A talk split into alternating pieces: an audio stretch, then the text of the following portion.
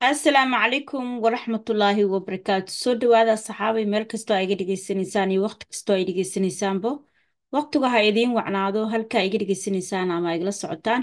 Waa Soomaaliya Happy Family Podcast barnaamijka qorsheynta qoyska. Mowduucayga wuxuu ku saabsan yahay ama episodekayga wax yar oo ku saabsan habdhaqanka wanaagsan ee la rabo ilmaha in lagu barbaariyo si guriga ay uga soo baxaan ilmo wanaagsan oo tarbiyaysan bulshadana ay habdhaqan wanaagsan ugu soo bandhigaan ama ay ula falgalaan. Barnaamijkan ama mowd afwan ama mowduucan waxaa u soo qaatay qiso yaroo maalin igu dhacday ayaan rabaa inaan ila wadaago. Sideedaba haddii ilmaha waqti hore lagu tarbiyeeyo ama lagu taragareeyo gurigooda waxyaalaha asaga uu xaqa u leeyahay waxyaalaha uun xaqa u lahayn wuxuu noqonayaa cunug dhisan oo diyaarsan. Bulshadana wuxuu oola falgalayaa si wanaagsan. Iskuulladana hadda koor saan u sheegay laguma dhigo waxyaalaha aadaabta inta badan ama calashaan waxaa la dhaho soft skillska iskuullada laguma dhigo. Ee ilmaha gurigooda ayaa lagu soo baraa. Way jiraan cashirada qaar macalimiinta inay bixiyaan ama ay u dhexgeliyaan xiisadaha. Laakiin si toosa calashaan ama si oo cashir joogto ee looma baro. Mowduucan waxaan u soo qaatay ilmaha haddii cunuga ama ilmaha ilmo wanaagsan ay noqdaan uu calashaan diyaarsan qoys wanaagsanna ay ka soo baxaan qoyskii wanaagsan dee bulshada qayb buu ka yahay. Qoyska hadduu burburana bulshada qayb baa ka burburtay. Mar kastaba aan dhaho. Soo dhawaada haddaa igu cusubtahay soo dhawow cashiradeeda waxaad ka dhegeysan kartaa Somali Happy Family Podcast Google Podcast Apple Podcast Anchor Podcast Spotify. Kulli waa ka dhegeysan kartaa cashiradeeda igu cusub tahay. Waan kaga mahadcelinaa sida quruxda badan ee YouTube-ka ugu soo biirteen. Waxaan ilaahay soo dhawaada gacmo furo ku soo dhawaada. Haddii mowduucayga marka aan ku soo laabto ani hadda kor waxaa igu dhacday anigoo meel joogo guryaha laga xaristo ayaa waxaa soo galay meeshii aan joogay ama xafiiska waxaa soo galay wiil yar oon ku qiyaasay da'diisa koo iyo toban jir ilaa toban jir. Wiilkaas hooyadiis ayaa la socotay. Markay soo galeen aniga waan fadhiyey waxaan dadka listiga macnaha party listiga waxaa la dhahaa ama waitingka ku jira ahaa waan fadhiyey ayaga way soo galeen xafiiska ayay u gudbeen meesha receptionka. Calaashan dad su'aale meesha weydiiyeen. Cunug yarkaabaa soo baxay aniguu ii yimaaday agtayduu soo istaagay wuxuu yidhi naamaana caawisiduu igu yidhi soomaali buu igula hadla dabcan. Naamaana caawisiduu igu yidhi.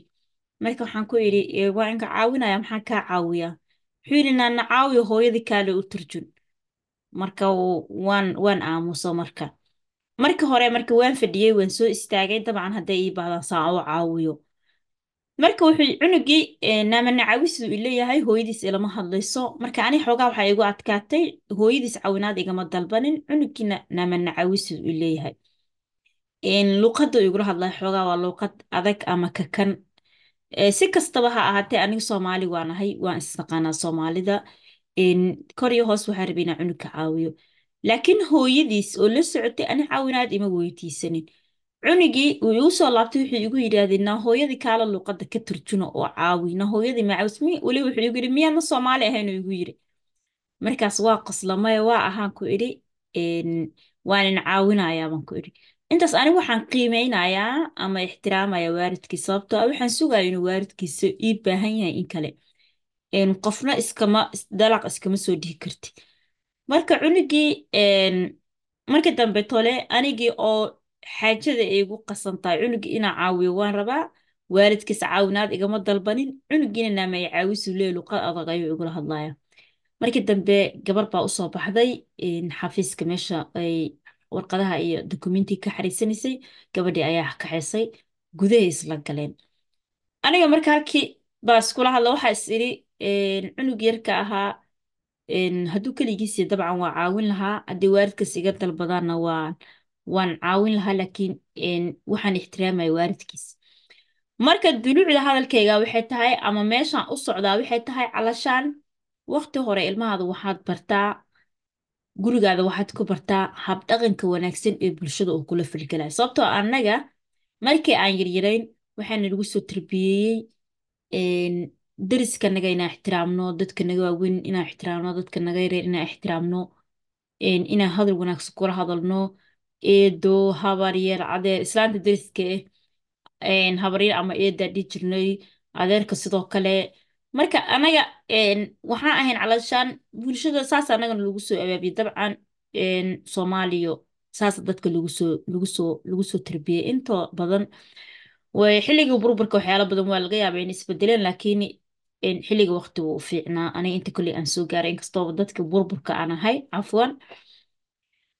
Marka meesha u socda ama ducida waxaa tahay waxay tahay cafwan inaad ilmahaada mar hore ama waqti hore uu la falgala ama uu la jaan qaado bulshada communicationkeeda sida hadalka wanaagsan waxaan habarin ma qaadan karaa habarin ma ku weydiin karaa habar ma na caawin kartaa adeer ma na caawin kartaa abti ma na caawin kartaa ama waxaas ma noo samayn kartaa cunuga marka xaguu ka baranayaa waa la iskuul laguma bartee waxaa lagu baraa cunuga guriga ayaa lagu baraa. Cunugaada marka uu guriga soo galaayo waa inuu albaabka uu soo gargaraacaa oo guriga dabcan waalidiintiis ay joogaan oo kale. Hooya aabi guriga ma soo geli karaa. Guriga jikadooyinka ama waxa yaalla ama alaabaha qaar waxaan ma isticmaali karaa kan ma qaadan karaa. Cunuga ma ahan macnaha inay ceeb ku tahay ama adiga ay inuu guriga wax ka mid a ceeb ha oga dhigin ama ceeb yayna kula noqon calashaa inuu dha waxaan qaadan karaa iyo waxaan ma karaa waxay ka mid tahay aadaabta bulshooyin kala duwan dhaqamo kala duwan haysto diimo kala duwan haysta ayay ilmaha markasta la falgelayaan marka mar hore ama waqti hore cunugaada waa inaad bartid waxyaalaha uu xuquuqda u leeyahay iyo waxyaalaha uuna u lahayn dabcan haddii cunugaada waxbarashada oo kale meelaha waxbarashada goobaha waxbarashada kale ama shaqooyinka marka uu tago oo kale waxaa yaalla alaab publica oo la wada leeyahay iyo alaab aan la wada lahayn. Jikada oo kaleetole een filinjeerka cuntada la gashto ama waxyaalaha la gashto cabitaanadii waxaas oo kaleetole dabcan dadku ayuu ka dhexeeyaan. Laakiin waxaas ku jiro dadka kama dhexeeyaan. Cunugaada marka waa inuu barto waqti hore waxa asaga uu xaqa u leeyahay waxa uun xaqa u lahayn. Si uu u noqonin hadhowto cunug wax walba dadafo ama wax walba qaato ama wax walba tole calashaan aan seef labood maa la dhaha calashaan oo kale tole waa inuu noqon cunugaada waa cunug eh, degan ixtiraamsan nadaamsan waa inuu cunugaada noqdo. Laakiin xaguu ku noqona waa inaa adiga guriga ku bartid. Marka waalidiinta aniga aan ka mid ahay waxaan ku dhiirigelinayaa ama aan dhihi ilmihiina waqti hore waa inaad bartaan habdhaqanka wanaagsan oo bulshada lagula dhaqmo. Sida su'aal ma ku weydiin karaa halkan ma fadhiisan karaa waxaas ma ku weydiin karaa ogolaansho cunuga inuu ka helo qofka waxay u tahay xushmad ama waxay u tahay ixtiraam. Ma ahan cunuga inuu tugsanaya laakiin annaga xoogaa dadka qaarkiis reer muduga ee dacaydeeye war waxaa la war ma tuugsanaysaa horta? Maxaad waxaa ma yeeli karaa waxaas u dhahdaa?